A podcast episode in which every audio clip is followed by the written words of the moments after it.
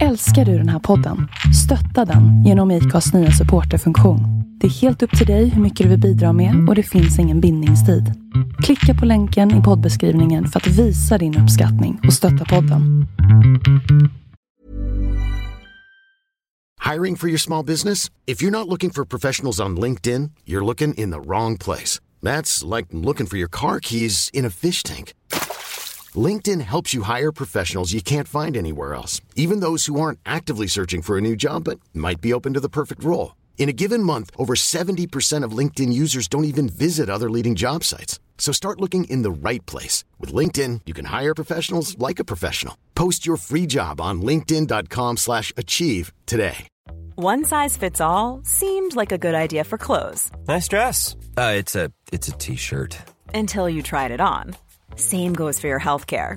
That's why United Healthcare offers a variety of flexible, budget friendly coverage for medical, vision, dental, and more. So, whether you're between jobs, coming off a parent's plan, or even missed open enrollment, you can find the plan that fits you best. Find out more about United Healthcare coverage at uh1.com. That's uh1.com.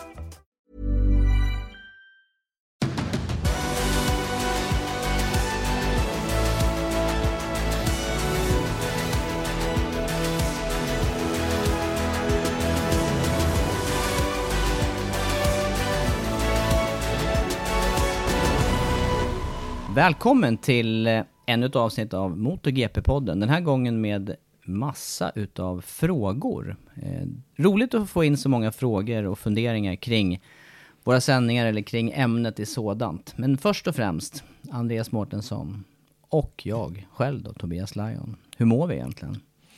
Jag tycker vi mår väldigt bra. Eh, Det är den 11 idag. Det vill säga jag fyller år om 11 dagar. Och då brukar det bli ljusare efter det. För jag fyller år på, jag tror det är ändrat. Det var när jag föddes så för mig att det var den, den eh, mörkaste dagen på året. Vad heter det då? Vintersolståndet. Just det. Eh, Men jag, sen så tror jag att det ändrat till den 23. Så det är dagen efter jag fyller år. då. Men då blir det åtminstone ljusare. Det längtar jag efter. Skönt, en vändpunkt där. Det Exakt. måste ha varit en vändpunkt när du föddes också på något vis. Något, något annat måste Då ha blev hänt det i er bättre i familj. världen.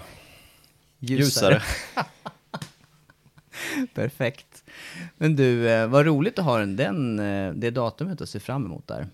Ja, men jag ser mer fram emot egentligen att det blir nyår och sen är vi inne på rätt år och snart är säsongen igång. Jag, jag längtar faktiskt redan. Jag såg, eh, jag såg idag, det är fredag idag när vi spelar in det här, fredag eftermiddag. Jag såg faktiskt FP1 från Abu Dhabi, Formel 1. De har ju inte slutat sin säsong än.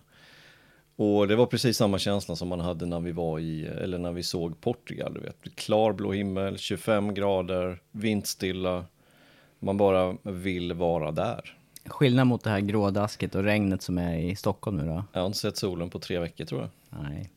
Nej, man är inte sitt piggaste om man tittar på... Om man tittar, ser sig själv i spegeln, det, det går ju i alla fall att vara bestämd med. Småbarnsföräldrar och det här vädret. Nej, det är inte bästa kombinationen. Det blir mycket kaffe nu för tiden. Men du, senast då, då drog vi massa, eh, massa rubriker kring årets upplevelser. Och eh, det är ju den här fråge, frågebatteriet som vi har fått in nu, det rör ju sig om både saker som är aktuella och lite framtidsfrågor och även lite teknikgrejer. Så att eh, det finns en hel del att gräva i här. Jättekul att vi har fått in så många frågor. Det har bara rasat in senaste veckan också, så att, eh, jättekul. Och eh, alla kanske inte riktigt kommer med i den här podden, men de flesta tror jag vi kan få med på ett eller annat vis, för vi har fått många likadana frågor. Eh, och sen har vi kanske en liten överraskning som vi får vänta med några veckor, men ja, som vi tar sen. Ja. Ska vi köra igång batteriet då? Ska vi inte börja med de nyheterna som har Jo, kommit det senaste tiden? göra. Det behöver vi göra. Tack för att du påminner.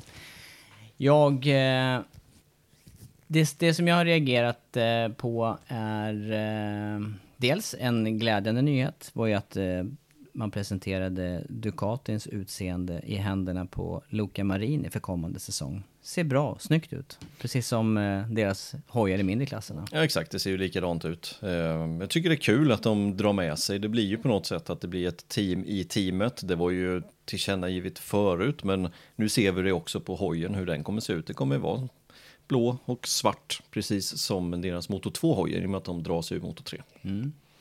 Sen om det är största nyheten, det vet jag inte, men... eh, Det är en nyhet. Lite av nyheterna har ju också rört eh, Mark Marquez. Han har uttalat sig lite mer här om sin eh, skada.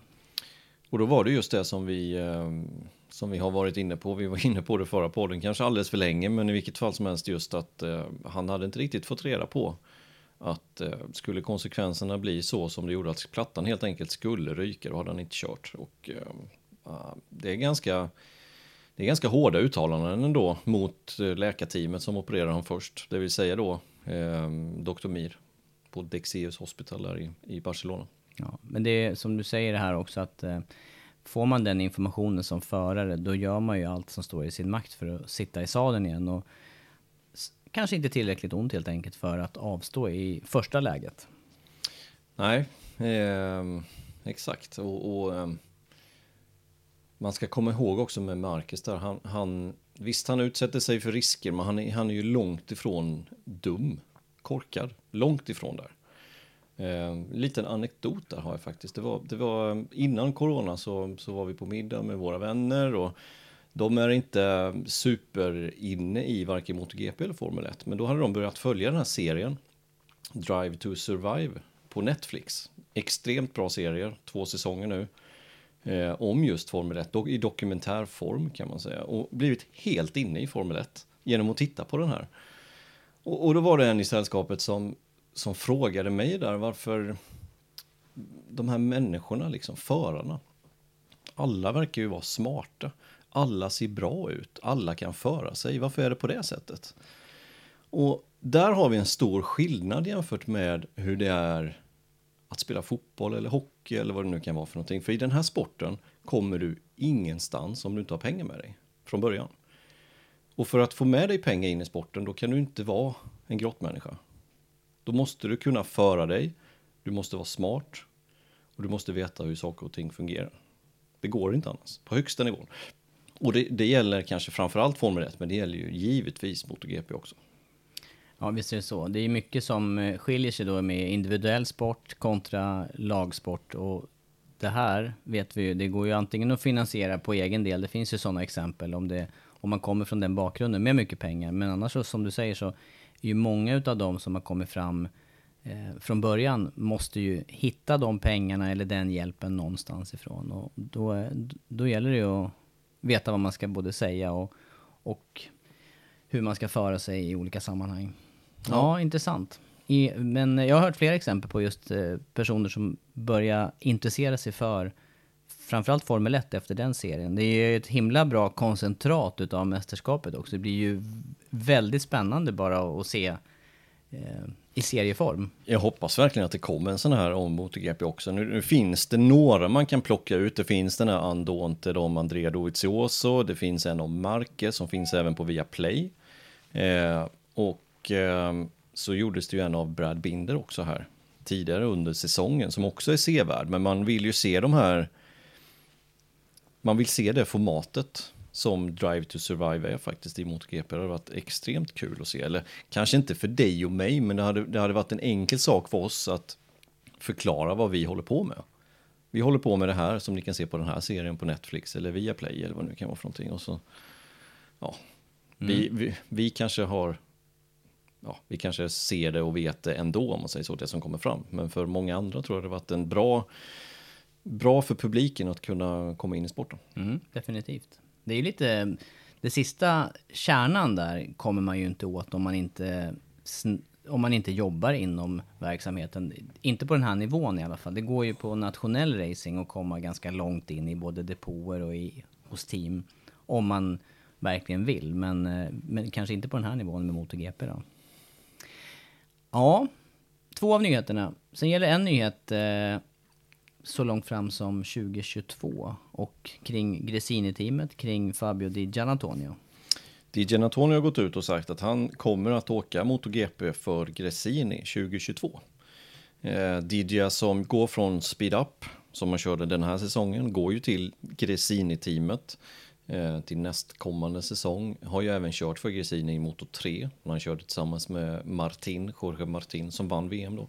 Blev inte Di Antonio till och med tvåa till slut i mästerskapet? Jag tror det. Och så blev det Besecki som blev trea där.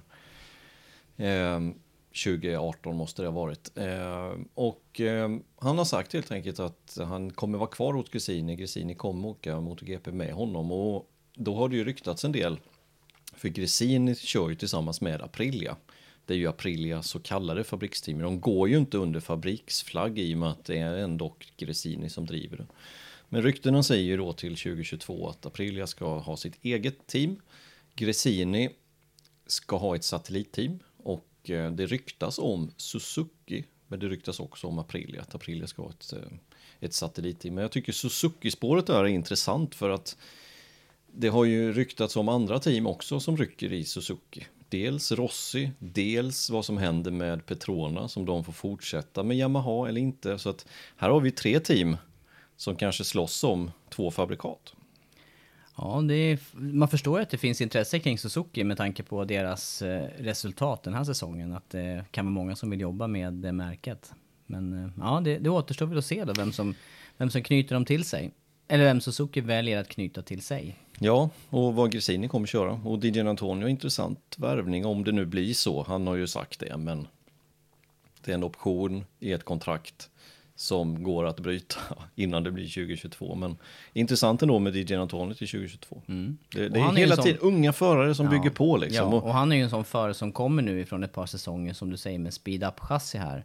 Ett chassi som, eh, vi vet ju att Kalix har varit det dominerande chassit och vem vet, han kanske plötsligt är en nivå till när han byter. Ja, jag, tror det. Alltså han, han har varit segern så pass nära men gjort bort sig precis i slutet här flertalet gånger. Det var ju senast nu i Valencia, han kraschade ett halvt varv från mål.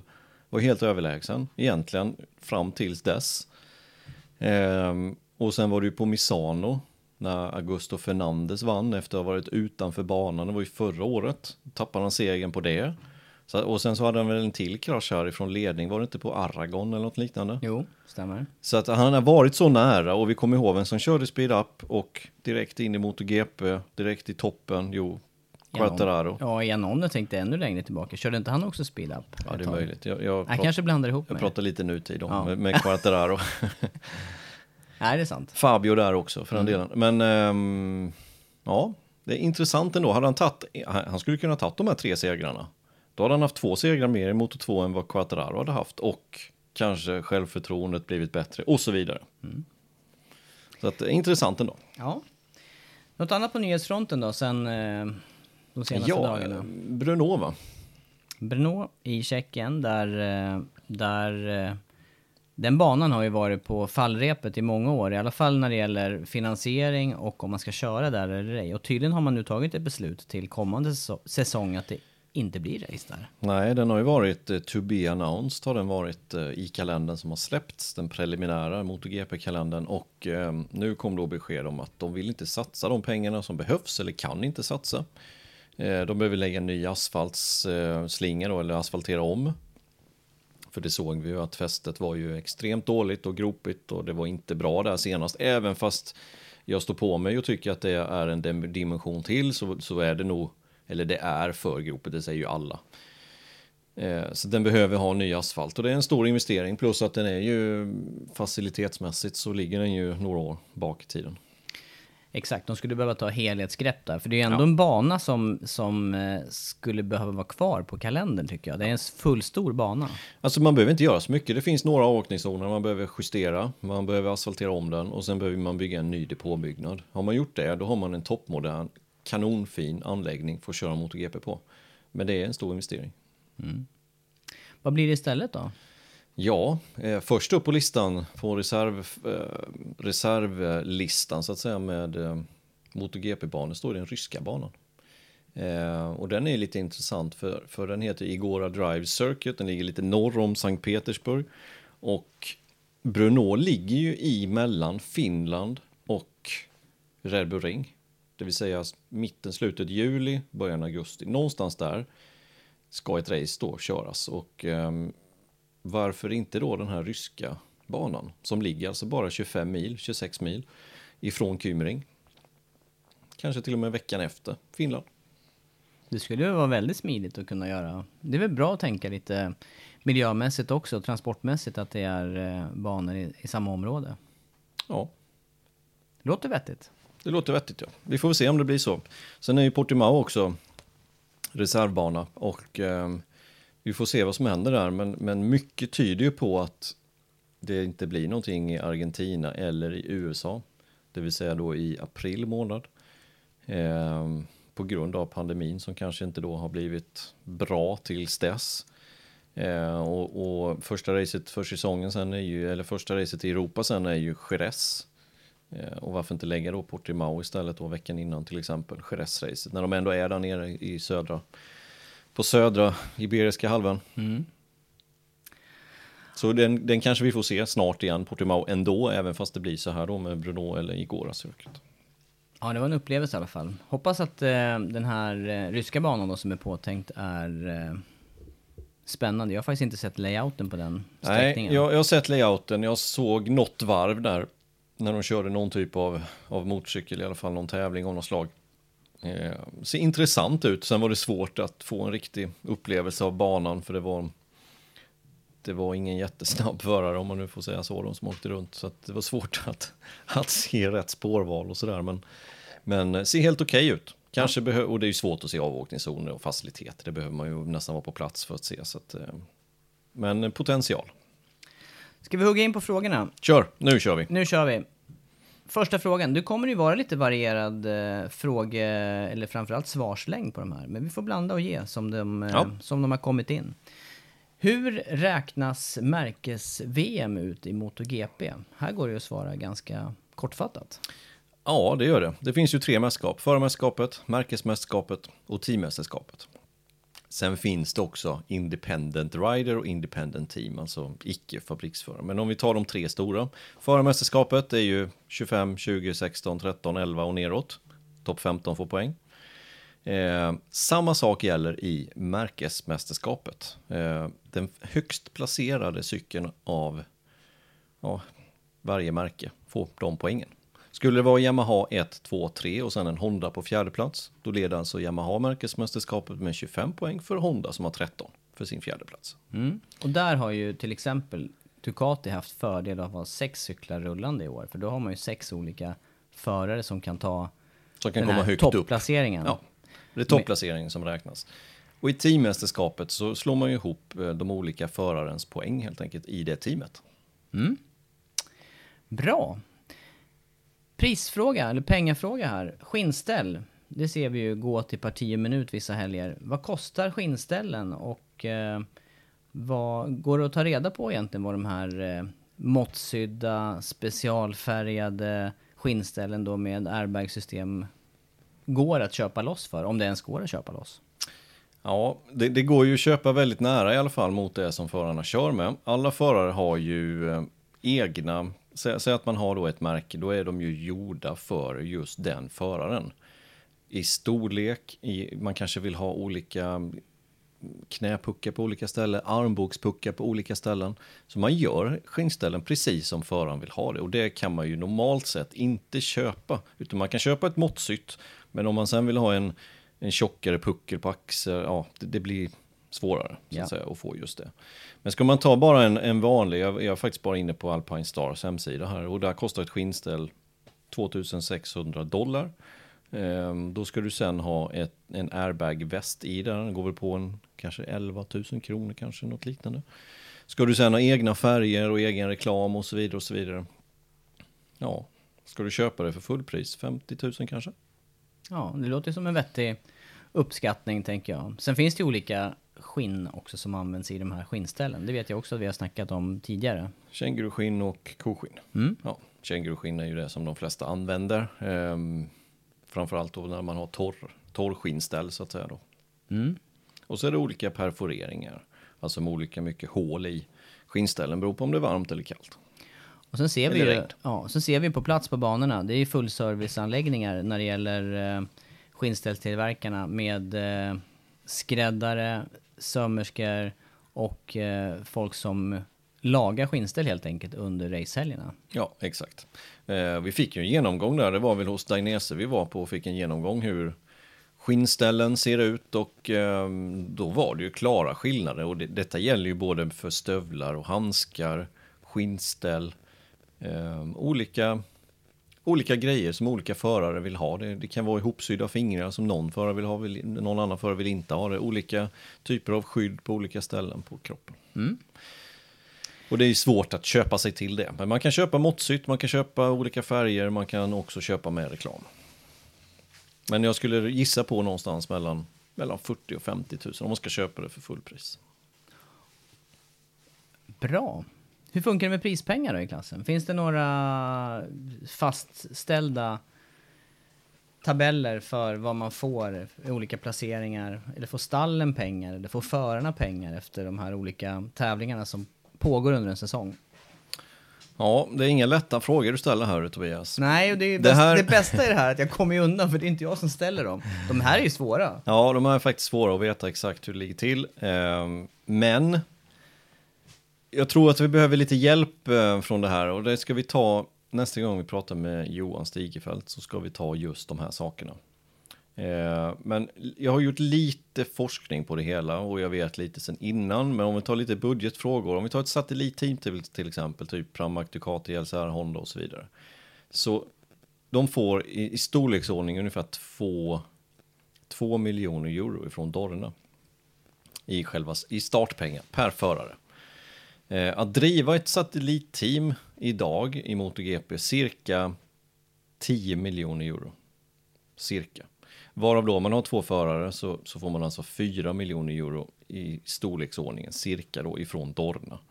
Eh, sen ska ytterligare då 6 miljoner euro täckas av sponsorer till teamet helt enkelt. Eh, ett fabriksteam, cirka störst är ju Honda. De har störst budget. Ehm, 70 till 80 miljoner euro bränner de på en säsong, cirka. Eh, och, och bara för hur det står sig då jämfört med Formel 1 så har ju Formel 1 från och med nästa säsong infört ett kostnadstak. Eh, det kommer vara 145 miljoner euro för en säsong. Kommer krympa sen till 135 miljoner till 2023. Då ingår dock inte förarlöner och de tre högst betalda personalen i teamet. Så att det är ju ytterligare rätt mycket pengar då. Men, men 135 miljoner är deras kostnadstak på om tre år och ryktesvis då Honda bränner mellan 70-80 miljoner euro. Så just det här med prispengar, det kanske, den är svårare att reda ut vad man... Vad Den man, är svårare, det, det måste vi prata med Johan hur det fungerar. Men det är ganska stora skillnader. I och för sig då förvånansvärt... Eh, jag har för mig att backar man bandet lite till, då var det större prisskillnader ändå mellan just motorcykel och bil. Jag tror du måste ha märkt det här under Pro Superbike-tiden om man tar och backar ner till den nivån. Ja, absolut. Ehm, När- när ni körde att mest köpa- i CC mycket tänkte jag. dyrare att köra bil, men vi ska komma ihåg att satelliten alltså hu- ungefär 10 miljoner euro jämför det med Formel 1 och 135 om tre år. Nu bränner de ryktesvis då kanske upp mot 190. Det, det är ju stor skillnad. Ja. Och, och tar vi bara lite löner till exempel, vad förarna har, det är ju också inga offentliga uppgifter, utan det är ju ryktesvägar i storleksordning och allt vad det är för någonting. Men Lorenzo när han körde Ducati, cirka 12,5 miljoner euro per säsong. Det är alltså 2,5 miljoner euro mer än vad ett helt satellitteam kostar på en säsong. Och Marcus har ju skrivit på ett nytt fyraårskontrakt, ryktesvis då värt en miljard på fyra år. Det är Och då, ju... då är det inte euro längre. Nej, då är det svenska kronor. Ja. 100 miljoner euro då. Ja. det är alltså 25 miljoner euro per säsong. Så att det är två och ett halvt satellitteam då i bara Marcus lön då på en säsong. Sen är det alltid svårt att värdera sen eh, värd, eh, om man säger hur stor racingavdelning har de här respektive fabrikat och hur mycket ska man väga in i kostnader på teamet då. Men eh, det, det finns ju alltid personal och racingavdelningar bakom som kostar massa pengar. Och bara de här reservdelslistorna, vi fick väl någon uppgift här på Fotpins sätt här för något år sedan. Det var, rörde sig om en 100 000 svenska. Kan det här stämma verkligen? Ja, det var något sånt. Ja, Ehm, Då förstår man att det är summor som går åt, vid krascher menar jag. Ja, ett, ett satellitteam också. Man kan säga att Dorna står för kostnaden att leasa hojarna till en förare. Så, så om man får då 2 miljoner euro per förare som satellitteam så är det ungefär vad det kostar också att leasa en hoj från Honda, Ducati, Yamaha. Som man sen då lämnar tillbaka efter säsongen. Ja. Mm. Och då är det två hojar, alltså som, som allting som ingår till en förare. Ja. Du, vi, vi får eh, backa lite grann här förresten. Vi hade ju också en ihop med eh, skinnställen här som eh, handlar om lamporna som blinkar. Det är ju kopplat till de här airbag-systemen.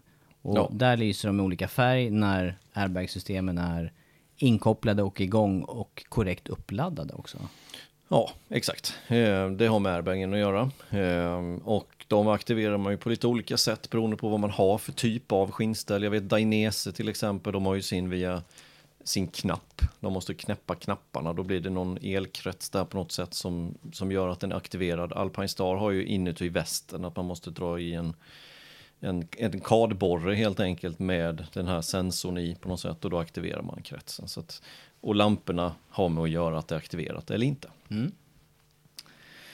Ja, eh, lite mer frågor kring teknik här då. Eh, MotoGP-race, vilka har, vilket märke har vunnit eh, race utan att använda Öhlins-fjädring? För Öhlins är ju den som, det fabrikat som de flesta, för att inte säga alla, använder numera. Men när, vad, vad har vi för andra exempel då, förutom Brad Binder här med KTM som använder annat fabrikat? De har ju Och VP. Oliveira, som också tog två Ja, segrar. år. stämmer. Men när Binders seger skedde här i augusti, då var det ju 11 år sedan senast något annat fabrikat vann eh, på just fjädring. Eh, och, och det fallet så var, vill jag ha för mig nu att det var 2009 när Pedrosa vann ett race. Eh, och det var innan de började köra Öhlins, för då körde de ju sitt eget märke då, Showa. Så det är alltså så långt tillbaka då? Det borde ju vara det. Mm. 11 år sedan ungefär, Ja. där Öhlins var obesegrade. Och KTM kör alltså med VP? De kör med sitt eget märke. Ja. Mm. Och det är de enda som också gör det, de fyra cyklarna. Alla andra kör med Öhlins. Ja. Eh, frågor om, eller en fråga om eh, vilket GP man bör åka till och se på plats. Här Ja. tänker jag att vi skulle kunna komma med några tips var det där. Absolut, vi börjar du. Eh, jag tycker ju att eh, man ska se MotoGP-cyklar när de går fort. Eh, och eh, nu har inte jag exakt data på det, men Mugello är en sån bana där det är... Eh, dels har man ju den här långa, snabba rakan. Bra översikt från eh, kullarna runt banan som går som i en gryta. Eh, och att det går fort nästan hela varvet där också som är... Ja, det, det, är en bra, det är en bra bana på de allra flesta sätt, förutom resan till och från banan där. Som, är, som kan vara haveri. Det, det kan ta en Ja. halv dag om man, om man är ute i fel tidpunkt. Det kan ni göra. Ehm, Nej, det, det är mitt heta tips på ett race att se. ja, jag, jag håller faktiskt med. Mugello är, eh, det, är- det är en speciell stämning i Mugello på något sätt. Ehm, det ligger bra till, börjar, li- brukar ligga i början av sommaren, i början på juni. Ehm, bra väder, extremt fint landskap runt i Toscana där nära, nära Florens. Ehm, ja, jag kan inte riktigt slå det på fingrarna på den. Den är, den är bra med, med allt utan att resa dit. Men sen har vi upplevt, eh, vi upplevt eh, andra häftiga och storslagna race. Jag skulle också, jag skulle lyfta Texas ganska högt också, Austin. Ja, nej, jag är helt enig med den också. Den är, den är grym med den faktiskt. Eh, Banan är grym och staden är grym. Och, nej, men det, det är också ett, ett bra ställe om man ska åka lite längre. Ja. Eh, sen finns det andra i Europa också som jag skulle rekommendera. Själva Mugello är ju mer om man är race-tokig. ja. Vill man åt lite mer... Vilken valde du då sa du? Barcelona. Ja. Då ligger den högt också. Då ligger den väldigt högt. Ja, det gör den. För det är också en... eh, Där har man inte trafikproblemen på det sättet. Du ser ganska mycket, det går ganska fort. Det ligger också mitt i sommaren och är bra. Eh, Mitten på juni brukar den ligga. Så att Barcelona är en, eh, det är en favorit hos mig det också. Ja, lättillgänglighet. Vi kan fortsätta i, i, på Iberiska halvön där med Valencia där det går att åka tåg rätt bort till banan och man kan eh, i princip eh, du behöver inte ens ha hyrbil för att ta dig dit. Och där ser du också precis hela anläggningen och du kan få vara med om avgörande mästerskapet. Ja, exakt. Och, och det är väl det som talar för Valencia, för det är ju ingen jätterolig sträckning på banan på Nej, det sättet. nej. Men finalen brukar avgöras där. Ehm, du ser hela banan. Det, det är också positivt. Mm. Ehm, finns det någon du inte rekommenderar? det här var svårare. Ja. Ehm, ja, då är det ju kanske, jag måste nog säga Sachsenring där. Jag vet inte hur känslan är. Det är, det är en industriområde, det är eh, allt som oftast blandat väder. Det är inte, du ser en väldigt liten del av banan där, live. Mycket försvinner där runt den här kullen. Och den är, det är ju omvänt mot Mugello. Där man har start och mål högt upp och sen går banan runt den här kullen på något vis. Man ser en liten del av bansträckningen. Det går inte på, det går på mycket nedlägg men det går inte på, det går inte på fullt på så många ställen. Om ens något ställe. Eh, och sen är det ju det här, där får det också vara riktig hardcore biker. Där ska du gärna ha skinnväst eh, och bara vara intresserad av att gräva ner hojen till svingen i leran där ute på campingen sen. Ungefär så. ja. Och ändå så är det det mest besökta racet på året. Ja, Det är märkligt. ja. Jag hade valt Det, bort det det. kan du fundera på, varför det är så. Men den var inte du enig med i alla fall. Ja, jag har varit där några gånger faktiskt, både på GP, jag har kört själv många gånger på Sachsenring, så att, ja, jag tycker ändå om. Det är klart, hade jag fått välja ett race att åka på så kanske jag inte hade åkt Sachsenring. Nej, det hade jag inte gjort. Men det finns de som ligger betydligt lägre ner på listan än Sachsenring. Och ett skulle jag nog säga, nu är det nog ingen risk att vi behöver komma dit, för vi har precis pratat om att Bruno kommer nog inte att komma tillbaka, eller inte just nu i alla fall. Ja men visst är det motsägelsefullt där, för vi snackade nyss om att det var en full stor Ja. bana, att den är, eh, det är schysst att köra är den.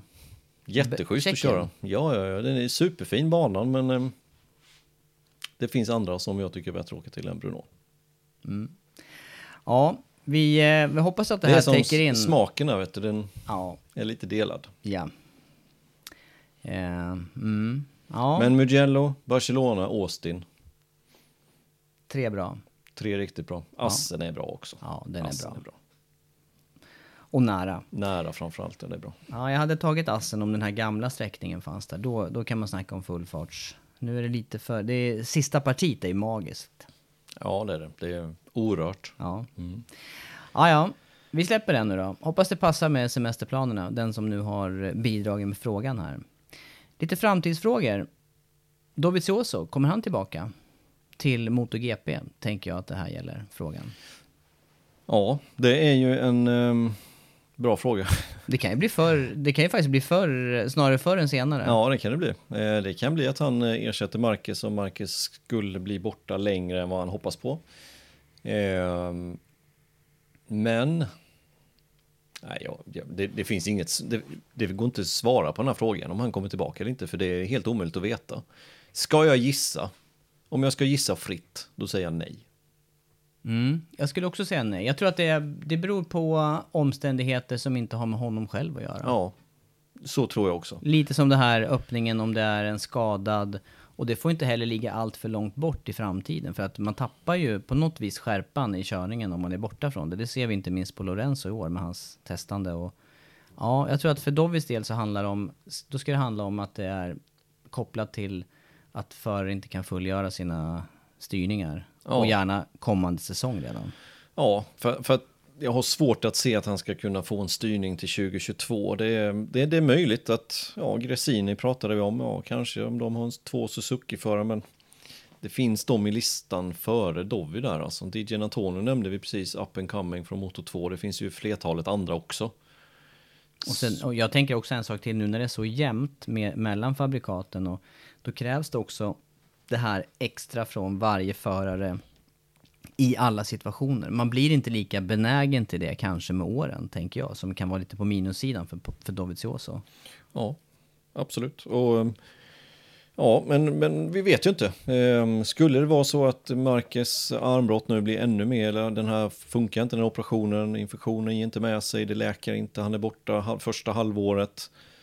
Ja, varför inte David som ersättare, men Ja, mitt, mitt tips är nej, men som sagt, vi har ingen aning egentligen. Nej. En fråga gäller just, eh, vi nämnde banan där utanför Sankt Petersburg. Kymering då? Eh, den har ju faktiskt eh, MotoGP varit och provat och testat inför förra året som skulle ha körts. Ja, och den blev inte så väl mottagen. Förarna som var där tyckte att den var för knixig, den var för långsam. Det var egentligen bara första partiet som var eh, bra tyckte de. Eh, sen får vi se då om de gör någon förändring eller om det helt enkelt blir så. Mm. Ja, det är inte mycket mer att säga om det. Sen har de har ju haft ett år till på sig med faciliteter. Det kanske var positivt i sammanhanget. Ja, men de har väl haft hyfsade restriktioner i Finland också. Så att, ja, vi, vi vet inte hur det riktigt går med den banan, men den är ju med på kalendern. Ja. Med eh, reservation för att den ska bli godkänd av FIM. ja. Hoppar här hej vilt. Hoppa på. Paul Espargaro hos Honda. Vad säger du om det bytet? Ja, vad säger jag om det bytet? Det kan jag säga någonting om också. Du får börja. Jag har varit ganska... Nej, kritisk kan jag inte vara. Jag förstår att han gör det här bytet. Det har ju... eh, Det räcker ju att titta på hur Honda har lyckats i, eh, när det gäller VM-titlar genom historien. Eh, Men just i det här läget, jag vet inte hur vältajmat det här bytet blev för Paul Espargaro. Jag, han slutar femma i år på KTM. Hade han eh, fått skriva på det här kontraktet nu, eller valt mellan att vara kvar hos KTM eller skriva på för Honda, då undrar jag om inte han hade varit kvar hos KTM. ja, och det tror ju inte jag. Berätta. Ehm, nej, alltså om man, om man har ett kontrakt på bordet som innebär att man eh, kommer vara ekonomiskt oberoende hela livet på grund av de här två åren. Vad kan han tänkas att tjäna? Svårt att gissa kanske, men 4-5 miljoner euro per säsong. Gissningsvis, det tjänar han inte hos KTM idag. 50 miljoner kronor per säsong pratar vi nu. Ja. Ehm, köra mot den bästa, kanske genom alla tider Med samma förutsättningar. med samma förutsättningar för ett legendariskt team som, som Repsol Honda eller HRC. Nej, jag tror inte han ångrar sig. Då får vi däremot se hur han tar sig. Alltså hur, hur resultatmässigt det blir. Sportsligt ja. säsong. Sportsligt ja. Det är inte säkert att det kommer gå bättre inledningsvis. Det är inte säkert att det kommer gå bättre efter två år heller. Eh, Men jag tror fortfarande inte att han ångrar bytet. Det, är- det, är, det är ungefär de eh, Formel 1-förarna som tar Carlos Sainz till exempel som skriver på för Ferrari. Nu kör han hos McLaren som ändå är en bra styrning. Men man tackar inte nej till Ferrari. Man tackar inte nej för Repsol Honda heller. Nej, det ligger någonting i det. Men, eh, men hans resultat den här säsongen hos KTM, eh, eller ja, både positiv bemärkelse men just också att han inte har tagit en seger där. Jag tror att det är just sportsligt, sportsligt så tror jag att han har lite funderingar i efterhand kring det här. Ja, jag, jag, jag håller inte riktigt med. Nej, För det är ändå, visst Marcus är överlägsen, ehm, han har varit överlägsen.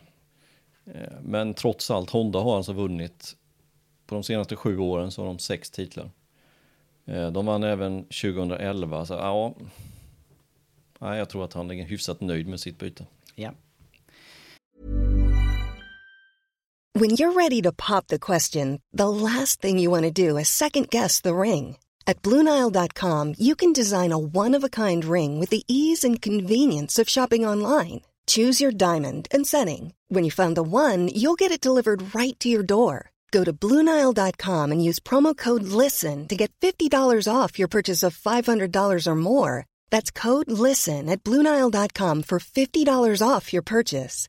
Bluenile.com code LISTEN. Hey, it's Danny Pellegrino from Everything Iconic. Ready to upgrade your style game without blowing your budget? Check out Quince. They've got all the good stuff shirts and polos, activewear, and fine leather goods, all at 50 to 80% less than other high end brands. And the best part? They're all about safe, ethical, and responsible manufacturing. Get that luxury vibe without the luxury price tag. Hit up quince.com slash upgrade for free shipping and 365 day returns on your next order. That's quince.com slash upgrade. Hold up. What was that? Boring. No flavor. That was as bad as those leftovers you ate all week. Kiki Palmer here, and it's time to say hello to something fresh and guilt-free. Hello Fresh. Jazz up dinner with pecan-crusted chicken or garlic butter shrimp scampi. Now that's music to my mouth. Hello Fresh. Let's get this dinner party started. Discover all the delicious possibilities at hellofresh.com. Du, eh, vad säger du om eh, Kawasaki då? Kommer Kawasaki starta upp ett GP-stall framöver? Nej, det tror jag inte. Där håller jag med dig. Se där. Nej, det tror jag inte. Jag tror att de har det väldigt, väldigt bra i Superback-VM med Rea där de vinner allting och pulveriserar i princip allt motstånd. Förutom eh, förra året när eh, Bautista var, var stark halva säsongen. Sen eh, var han inte där längre och Rea kom och körde förbi. Eh, där får de god publicitet och har egentligen ingen konkurrens. I och med att alla andra fabrikat satsar på MotoGP. Mm. Och sen är Med, med motorcykeldelen... undantag för BMW. Ja, och så motorcykeldelen hos Kawasaki är ju förhållandevis liten med, med jämförelse med deras övriga verksamhet. Det är mer mot tung industri och större, större än motorcyklar. Och vad kan de bränna där i pengar? Svårt att sia om så sett, men en femtedel av vad HRC Honda bränner i MotoGP kanske. Du menar nu Superbike-VM? Superbike-VM, Ja. ja. Och de får um, mycket publicitet. Ja. Så jag tror inte det. Tyvärr tror jag inte det. Jag hade hoppats att se Kava också, men jag, jag tror inte, inte med en överskådlig framtid i alla fall. Nej. Ytterligare frågor om... Eh, nu är det mer om eh, typ av motorcykel. Rad 4, V4. Vi har varit inne på det här med köregenskaper. Går det att bena ut något ytterligare med eh, skillnader i karaktär mellan de här två motortyperna? Ja, tar du denna? No, det enda, jag har ju faktiskt ganska liten erfarenhet av V4 just. Jag har eh, däremot eh, en, två eller tre cylindrar till och med. Jag körde ju Triumph ett tag, eller fyra. Alltså lite olika karaktär, men det här handlar ju om standardmotorcyklar. Det blir ju inte lätt att, att jämföra. Man kan väl säga eh, generellt, vi tar lite generellt. I en, i en, i en rad 4 så har du en längre vevaxel. Det vill säga att då blir det lite trögare att styra. Kan man säga så? Fast den blir lite stabilare. En V4 har två korta vevaxlar. Vilket gör att det blir den blir lite mer nervös. Och det kan man ju se spårvalsmässigt här mellan Honda och Yamaha. Om vi tar de två exemplen så kan man ju se det. Då är Yamaha generellt sett Bra i snabba svängar. Ja, medan Honderna har haft också en annat, en annan spårval med mer V-formade svängar. Snabba, De kommer runt snabbare. ja, och så accelererar ut. Men jag tycker ju också att, eller vi har sett att det där har börjat jämnats ut också på något vis. Och det har inte varit lika tydligt den här säsongen vilka banor som har gynnat det ena eller andra motortypen.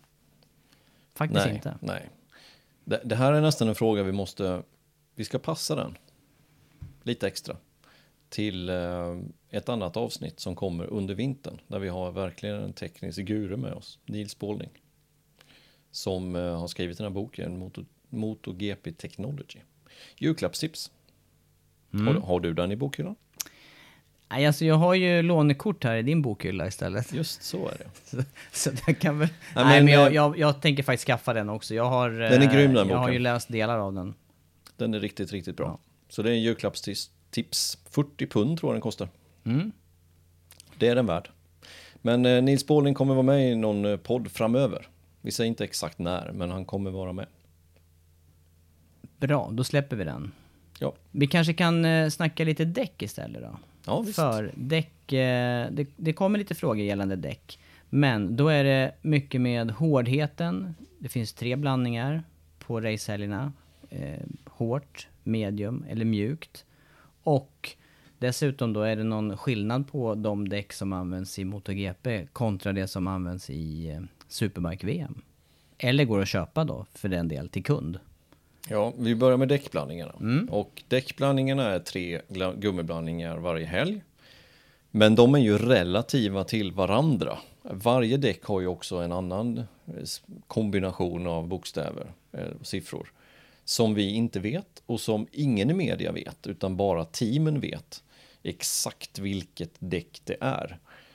Ehm, det vill säga att ett mediumdäck en helg, det kan ju vara ett softdäck, alltså ett mjukt däck, helg nummer två på en annan bana. Ehm, men sen skiljer ju däcken ehm, väldigt mycket från event till event. Det kan ju vara som Sachsenring till exempel som egentligen bara går åt vänster. Och sen kommer vi till en annan bana som bara går åt höger. Ja, då är det ju två helt olika däck. Eh, men då har man alltså tre gummiblandningar på att välja. Och de är relativa till varandra. Men just det här hur eh, sen däckvalen, eh, hur det slår under race-distans. Där ser vi ju lite olika utveckling också på racen beroende på hur förarna väljer att börja på hårt eller börja på mjukt och sen hur de här kurvorna med varvtiderna möts på något vis mot slutet av racet. Ett, ett tydligt exempel var ju racet i Barcelona i somras. Ja, och det är ju svårt att bara prata i generella termer egentligen för att man måste vara liksom inne och jobba med däcken för att veta hur de fungerar. Eh, ett visst däck kan ha lite hårdare stomme, lite mjukare gummi och då funkar det på ett sätt medan det funkar på ett helt annat sätt andra däcket. Och de här däcken kan ju vara väldigt, väldigt lika. Ett soft och ett medium, de kan ju vara, det kan ju bara vara någonting litet som skiljer. Som man kanske väljer den andra före den första. Men kan det här gälla då förarens preferenser eller pratar vi eh, motorcykeltyp eller helt enkelt hur föraren, hur föraren hanterar ja, broms och gas? Allt, ja. allt. Vi ser ju till exempel Hondorna och KTM-cyklarna eh, åker ofta med ett hårt framdäck till exempel för att de kräver hårt och stabil framände. De kanske har viktfördelningen då på ett sätt som gör att de måste köra med den hårda gummiblandningen för att få att inte den helt sackar igenom liksom in i svängarna. Det där måste man, man måste vara med inne i det eh, för att veta exakt. Och sen har vi det här med temperatur också, vad det är för väder, vad det är för typ av bana. Ibland funkar ju ett mjukt bakdäck bättre än ett medium eller hårt bakdäck när det är extremt varmt ute. Och det går emot logiken lite, eh, åtminstone den logiken som fanns förr. Eh, men då håller den sig i rätt temperatur hela racet igenom till exempel. Så att, och sen måste man lägga upp racet på ett sätt som gör att däcken håller. Kör du ett mjukt bakdäck, då kanske du inte behöver ladda fullt med mycket nedlägg ut i svängarna. De första varven eller första distansen. Utan du får köra på ett annorlunda sätt. Ja, intressant det där. Men sen då hur de står sig kontra däcken eller Går, går det ens att spekulera i skillnaden här mellan GP, Superbike eller köpe slicks? Ja, det gör det ju. De är ju bra liksom. Det, det är ju inget snack om saker. Det är väl som vi säger när, när, det är ofta så med tillverkarna. De släpper ju ofta däck med bättre grepp, bättre livslängd och bättre ja. feedback. MotoGP-däcken är ju bra, men det är ju inte, med det sagt så funkar det inte att lägga på Michelins MotoGP-däck på en eh, Superstock 1000 och köra hemma i Sverige. Det, det, går inte, för du kan inte pusha de däcken så hårt som du behöver göra för att få dem in dem i, ditt, i det fönstret där de fungerar som bäst. Det kan man ju faktiskt komma tillbaka till. Det är ju, det är ju exakt det det handlar om. Det handlar ju om att få den, temp den det temperaturfönstret eh, som däcken är avsedda för. Och, ja. och sen kan man ju, det enda jag kan säga bakåt i tiden då från, från när jag körde, det var ju att det fanns lite olika skillnader i filosofi mellan olika tillverkare. Det kunde vara profil eller det kunde vara lite grann med feedback till föraren. Ett däck som är helt stumt men håller i. Eller ett däck som rör sig och, och ger lite feedback på vägen och kanske funkar liknande under hela cykeln. Jag körde ju mycket långlopp och där var det ju ganska, där tyckte jag det var rätt viktigt att ha ett däck som kändes ungefär likadant de första fem minuterna som de sista sista fem under en timme. Att, Absolut, och, och, det skiljer filosofi. Jag kommer ihåg, jag körde i början av Pro Superbike körde jag på Dunlop och det är väldigt stabilt framdäck på den. Man, man kan pusha väldigt, väldigt hårt in i svängarna med just de Dunlop-däcken och sen så gick jag över till Pirelli när det blev enhetsdäck.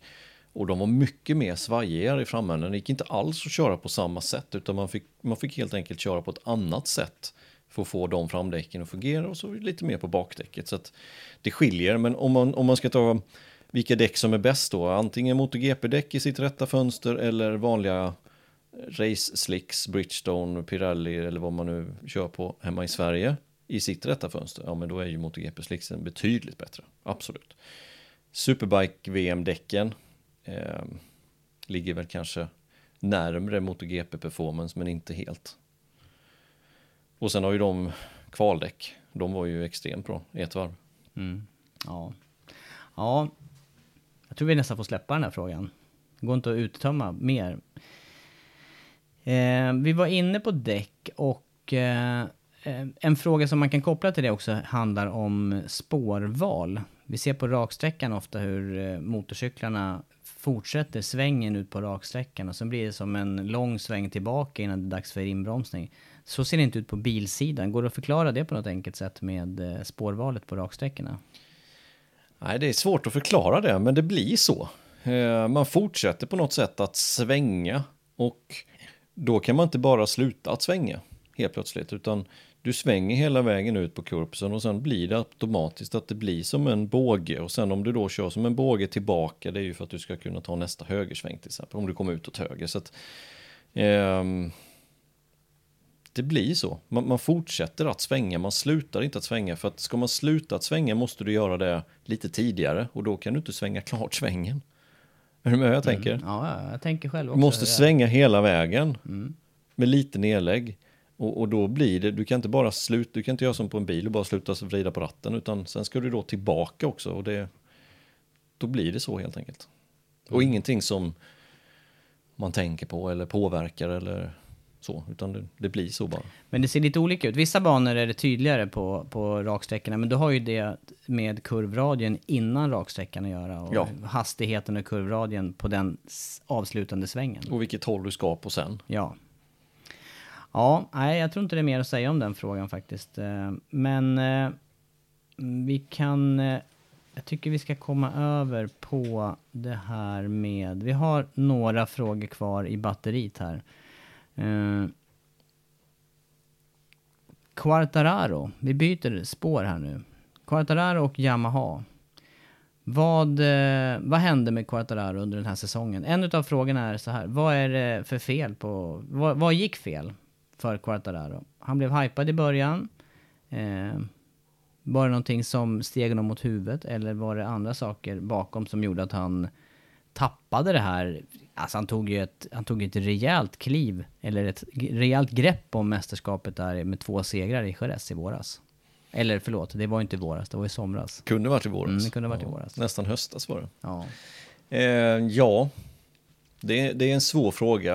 Eh, även det är någonting för, för Johan att besvara egentligen exakt vad det var som gick fel. Men utifrån, i våran position, så hade de problem med cyklarna.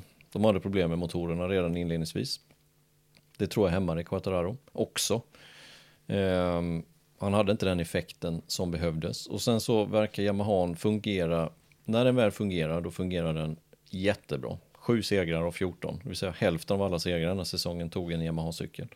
Men när den inte fungerar, då fungerar den heller inte alls. Eh, undantaget dock, det är ju de två sista racen. På Valencia 2 och även i Portimao när Morbidelli helt plötsligt var högt uppe. Eller inte helt plötsligt, men han var någonstans där de andra Yamaha-förarna inte var. Och då ja. är frågan, varför kunde inte Quattararo prestera? Ja, det kan ju givetvis då ha att göra med att han inte sitter på samma material som Morbidelli. I och med att Morbidelli sitter på en lite enklare specifikation av Yamaha-cykeln. Ehm. Och, och sen var vi inne på redan eh, för några veckor sedan i podden att det finns ju två key moments egentligen för Quattararo som inte gick hans väg. Första i Misano 1 när han kraschade. Han, låg, han gjorde en dålig start. Han startade i första startled, gjorde en dålig start, låg efter Vinales. Och vi ska komma ihåg att Vinales är alltså hans blivande teamkamrat på fabriks Yamaha. Det är ingen som man vill chansa när man kör om.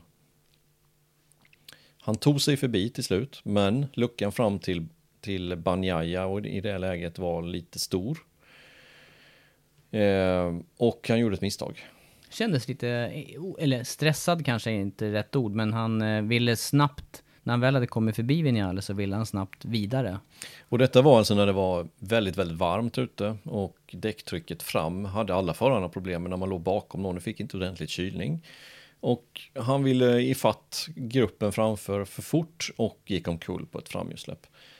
där är ett key moment, eh, vilket gjorde att då fick han lite mer press på sig eh, och prestera i andra racet istället. Eh, och då blev han där fyra till slut.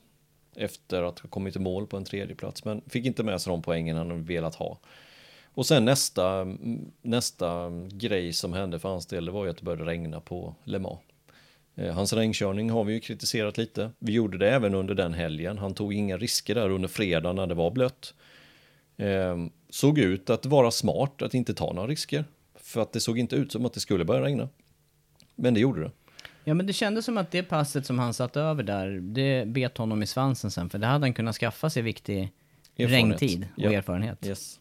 Eh, ja, och då, det är svårt att vara taktisk när det handlar om så pass många träningar och så pass, när det spänner över så lång tid ändå, ett mästerskap. Nu var det ett komprimerat mästerskap, men jag vill ju hävda att... Men det å andra en- sidan hade han gått omkull där, ut i regnet och pushat och gått omkull istället. Då hade vi varit kritiska Då till hade det. vi varit kritiska till det istället. Ja, så det är att lätt är att ju, vara kritiker. Det är, ju- det är ju lätt ju. Ja. Det är ju lätt att sitta här och snacka, men, men det var ju ändå att det började regna ändå. Det är ju ingenting som han har för oss klart, men det var ändå ett, för han under torra förhållanden på Le Mans var han snabbast. Och vi pratade ju mycket om att är han bara i ledningen fram till första svängen så vinner han det racet. Och det tror jag att han hade gjort också, för han var så pass mycket snabbare. Men nu börjar det regna. Men hänger hans problem ihop med någonting med, eh, med motorproblemen då, generellt för Yamaha? För att där var ju han ändå en av de förarna som, han var ju den som drabbades minst egentligen. Han drabbades minst, men han drabbades ändå. Han fick dra ner effekten på den cykeln också för att få hans motor att hålla hela vägen. Eh, och från att ha lite effekt till att ha ännu mindre effekt, det är inget positivt. Eh, och sen var det andra saker också som hände på Aragon till exempel där, när han också hade en, en bra chans att till och med kanske kunna vinna racet. Så var det ju någonting med, med däcktrycket fram som gick fel. Eh, och han slutade utanför poängen. Så det finns några sådana här key moments, men framförallt två. Och jag, jag tror inte att detta har med... Ja, nu, är, nu drar man kanske stora ord, men jag tror inte det har så jättemycket med att göra psykologi åtminstone. Nej, vi får Jag tror se. faktiskt inte vi det. får se kommande säsong. Det kanske får lite kvitto på hur, eh, hur eh, läget är. Ja, vi, vi har ju pratat om det lite, det här hans ganska stora gester och sådana saker. Kan, men jag tror att han kan fila bort det där och bli lite lugnare i sig själv. Men jag tror ändå inte att det är det som har gjort att det gick så pass dåligt i slutet som det gjorde. Utan jag tror att det är mer fokuserat på eh, det materialet han sitter på och lite egna misstag. Lite kortare frågor här nu då, eller frågor som kanske kräver kortare svar. Snyggaste designen? Ja du. Du är ju, jag är ju absolut ingen designguru överhuvudtaget. Så jag vet tror du får jag, börja nej, här. Jag vet inte om jag är det heller. Fast jag tycker att det är kul att kolla på. Jag har alltid varit intresserad och tyckt att i alla fall färg och form där på, på grejerna varit intressant. Jag vet att ibland då, då du bara skakar på huvudet åt mig. Ja, Men du tycker ju om guld. Bara på klockor? Ja, nej, nej, jag skojar där faktiskt. Nej, men det är på hojar. Det är den här okej. gamla, jag vet inte hur länge tillbaka det sitter. Om det sitter på um, Gaulois-tiden där på Jamma. De hade nog lite gulaktiga fälgar. Sen är det där, just på fälgar har det suttit kvar. Magnesium. Men hur som helst, eh, jag tycker att det snyggaste paketet är eh, Yamaha och ja, det är Vinales med det här med svart och grått och vitt och när han, ja det, det är nog som det ser ut nu där. På, på, då, då är det Yamahas Ja, nuvarande fabrikscykel med Vinales i sadeln. alright. Det är, min, det är min röst. Ja, min röst faller då, jag tänkte faktiskt säga nästan samma sak, men jag tänkte säga eh, Vinales hjälm. Den tycker jag är snygg. Mm. Riktigt snygg. Sen blev jag påmind om en cool design, för det var, vi har sett lite färre av det på senare tid, men de här eh, en-events-designerna som Ja. fanns lite förut där. Och då, då var det, dök det upp någon bild här nyligen på Lorenzo, när han körde den här eh, rymdlooken där. Den, här, den hjälmen var riktigt cool tyckte jag. Ja, den var cool. Den var cool. Eh, och även hela hans, eh, hela hans outfit. Men, ja. Nej, men jag, jag håller med om Vinales. Jag tycker det är en, jag, framförallt hjälmen. Eh, det är av ett märke som jag också tycker om. Eh, bra hjälmar helt enkelt. Mm, det det. Och, ehm, och, och schysst design på den. Eh, så det tycker jag är bra. Men just om man ska ta hela paketet sådär så vet jag inte om jag tycker om Yamahas riktigt. Eh, utan då tycker jag eh, Honda. Mm. Eh, och, och, det gör jag på grund av att när man står, när man står nära en fabriks-Honda i Repsol Honda och tittar på alla de detaljerna som finns på den cykeln så är det en klass bättre än alla andra. Alla de här små fästena och skruvarna och hur det är utformat och avgassystemet. Kommer du ihåg den här kröken de hade under kutsen? Det har de inte längre, men den de hade under hur den var svetsad i det här titanavgassystemet. Nej, men de här detaljerna på Hondan, det är, det är ett snäpp, snäpp upp mot de andra. Några utav dem är ju till och med yxiga. Mm, ja, det är det. Det ut som att ha stått med en bågfil och gjort fästet. Ja. Så jag säger nog eh, Vinales hjälm och Repsol Honda. Ja. Eh, favoritförare då? Ja, den är svår. Den är svår. Den är jättesvår faktiskt. Eh, jag kan med gott samvete säga att jag har ingen favoritförare. Utan eh, jag tycker om bra race. Jag tycker om många egenskaper hos många förare. Men jag kan inte påstå att jag är en fan av en förare, utan jag är fan av alla förare. Jag tycker att alla har, alla har något som tilltalar mig. Och sen så är de grymma på att köra motorcykel allihopa. Eh, ska jag dock ändå säga en favoritförare eh, som jag har haft genom tiden, han är inte aktiv längre, men då är det Casey Stoner i så fall. Och just på grund av hans, hans lite arroganta stil. Jag tycker det är lite roligt, jag tycker det är lite kul det han sa till Rossi till exempel. På Jerez? Ja, det, det är komiskt liksom. Det får du nästan säga, så att den som inte har hört det får höra ja, det. Men, då, nej, men det, det, är ju, det är ju tillbaka i tiden ligger det för det började ju med att att Burgess och Rossi kritiserade lite Stoner för att de inte fick ordning på den där cykeln.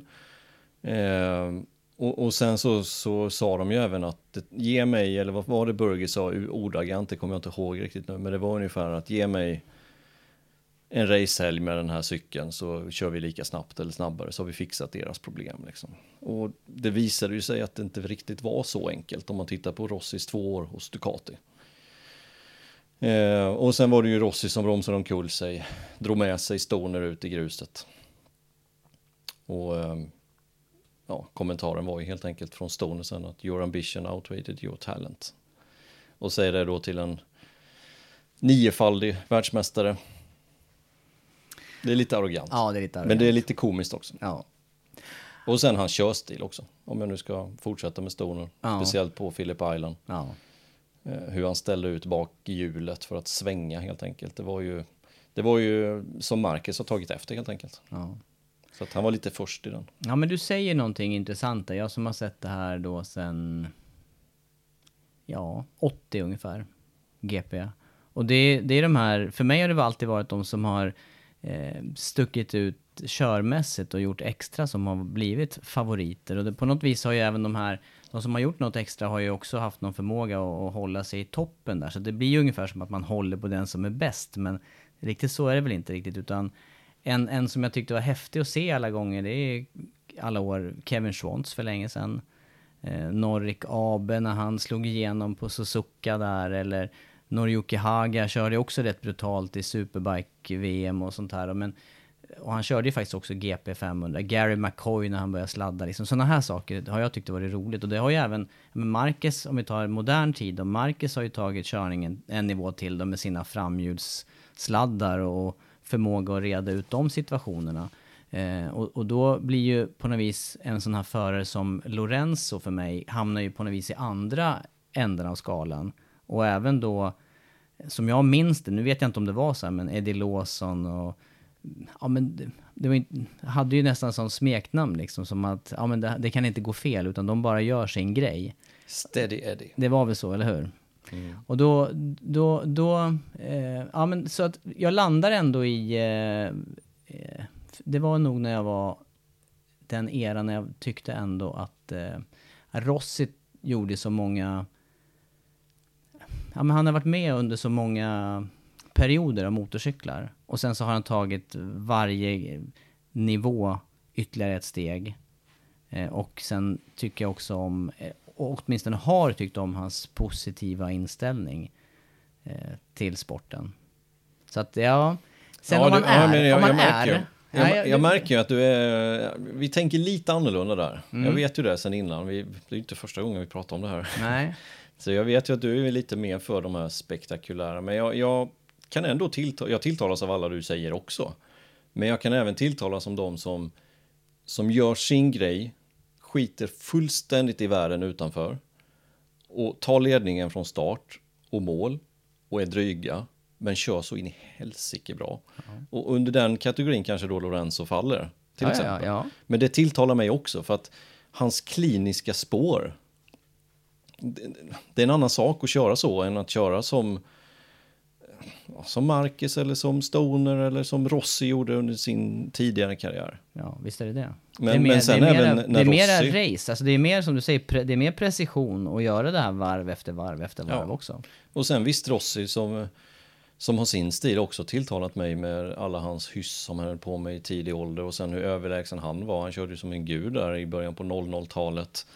Eh, ja, det, det är så många saker, men Men det jag kommer tillbaka till, det är underhållningen liksom. Så race, jag kan ju gå ifrån en racehelg idag och vara lika nöjd med i princip vem som än vinner. Om, om Ja, racet ja, har varit bra. Ja, ja, absolut. Det är, och, och sen, vi kan ju inte glömma Marcus i det här. Han, han har ju verkligen tagit det här till en ny nivå. Verkligen ny nivå. Han, han, han eh, på något sätt accelererade det som Stoner höll på med och tog detta till nästa nivå ytterligare.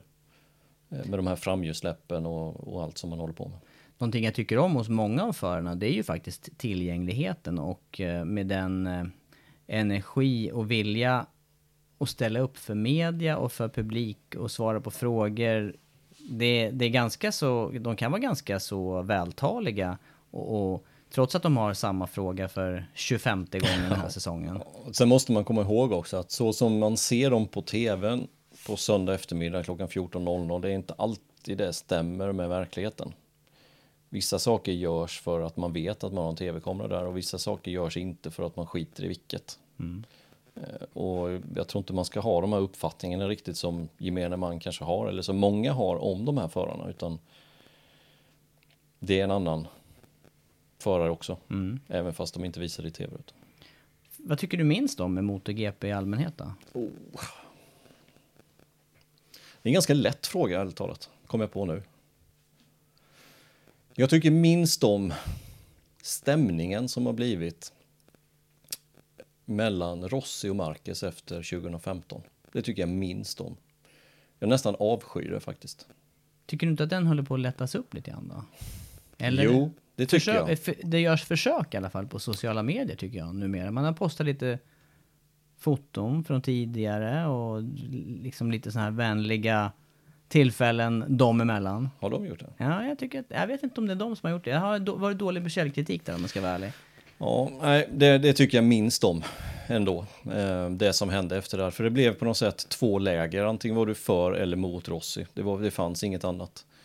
Ehm, och ehm, det tycker jag inte var bra. Det, det, jag vet inte om det var bra för sporten i helhet att det hände. Visst, uppmärksamhet fick det ju till sig. Jag tror aldrig vi har satt Motors, som det hette då, den Facebook-sidan och aldrig fått så många kommentarer som det fick efter det racet.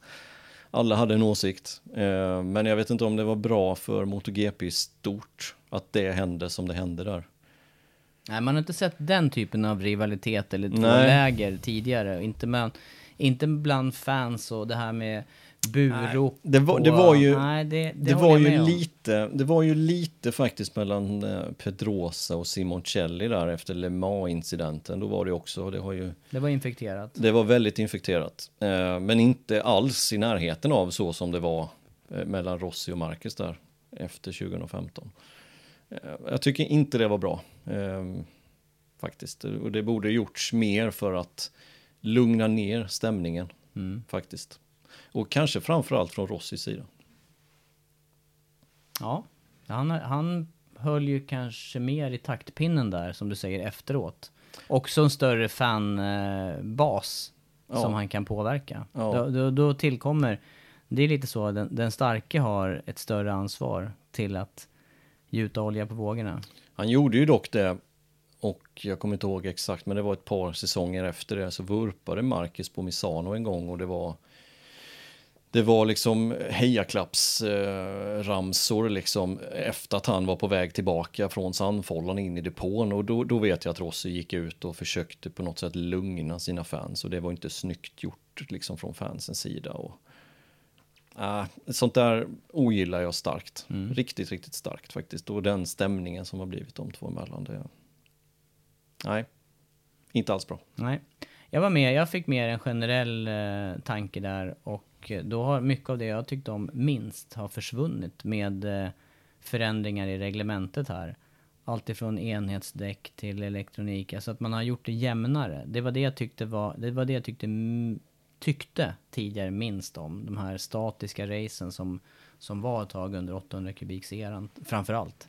Eh, det tycker jag man har kommit till bukt, eller kommit, fått bukt med. Eh, ja, så, jag... så du älskar allt med MotoGP nu? nu älskar jag allt. Nej, i övrigt eh, med MotoGP. Ja, men det, det var en stor... Det, hade, det, det, gjorde...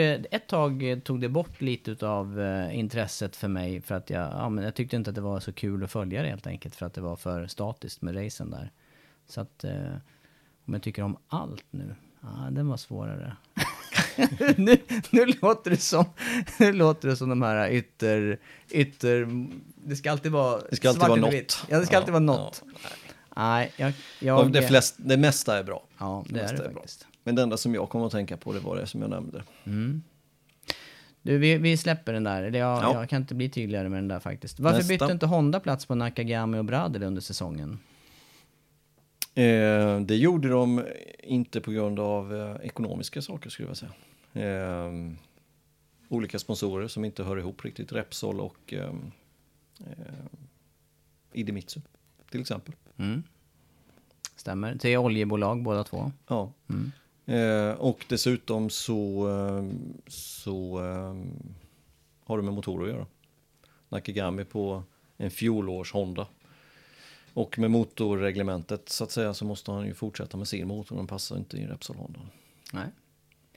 Nej, det var enkelt svar. Nu är det inte mycket kvar i frågebatteriet. Nej, ta en till nu då. Vi tar en till kortare och sen eh, får vi nästan eh, avrunda tänker jag.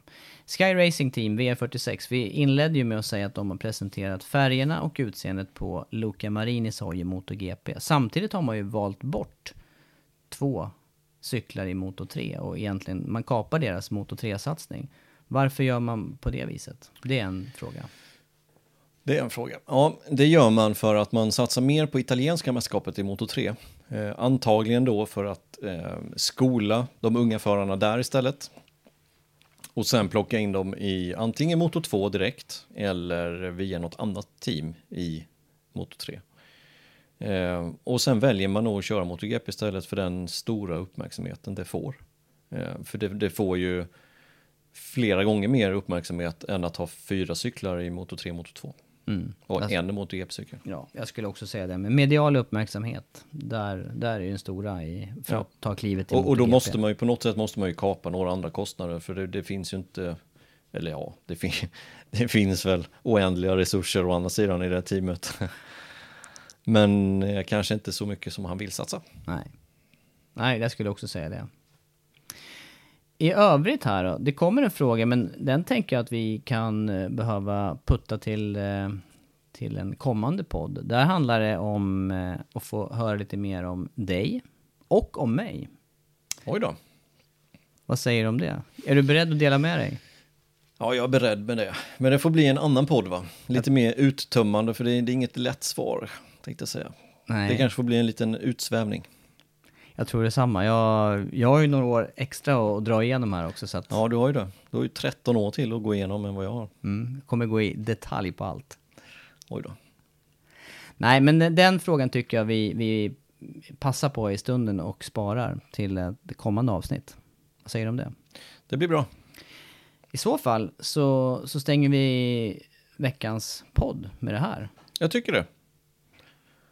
Och som vanligt så vill vi tacka våra Patreon och vi vill tacka alla som stöttar den här podden. Stort tack! Det gör att vi kan hålla igång poddandet nu även under off-season. Ehm, och som sagt, vi har några till planerade. Några poddar, ganska många faktiskt. Så att vi hoppas kunna hålla igång här under december, januari. Mm. håll utkik och eh, vi eh, hörs framöver.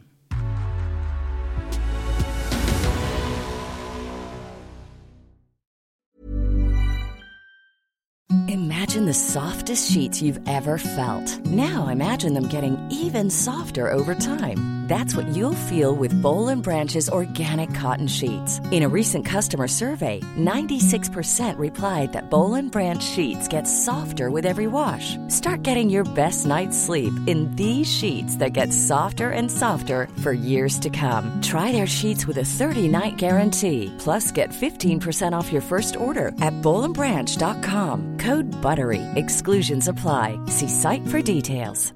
Ever catch yourself eating the same flavorless dinner three days in a row? Dreaming of something better? Well, HelloFresh is your guilt-free dream come true, baby. It's me, Kiki Palmer.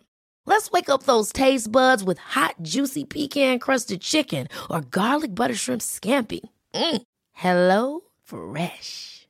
Stop dreaming of all the delicious possibilities and dig in at HelloFresh.com. Let's get this dinner party started.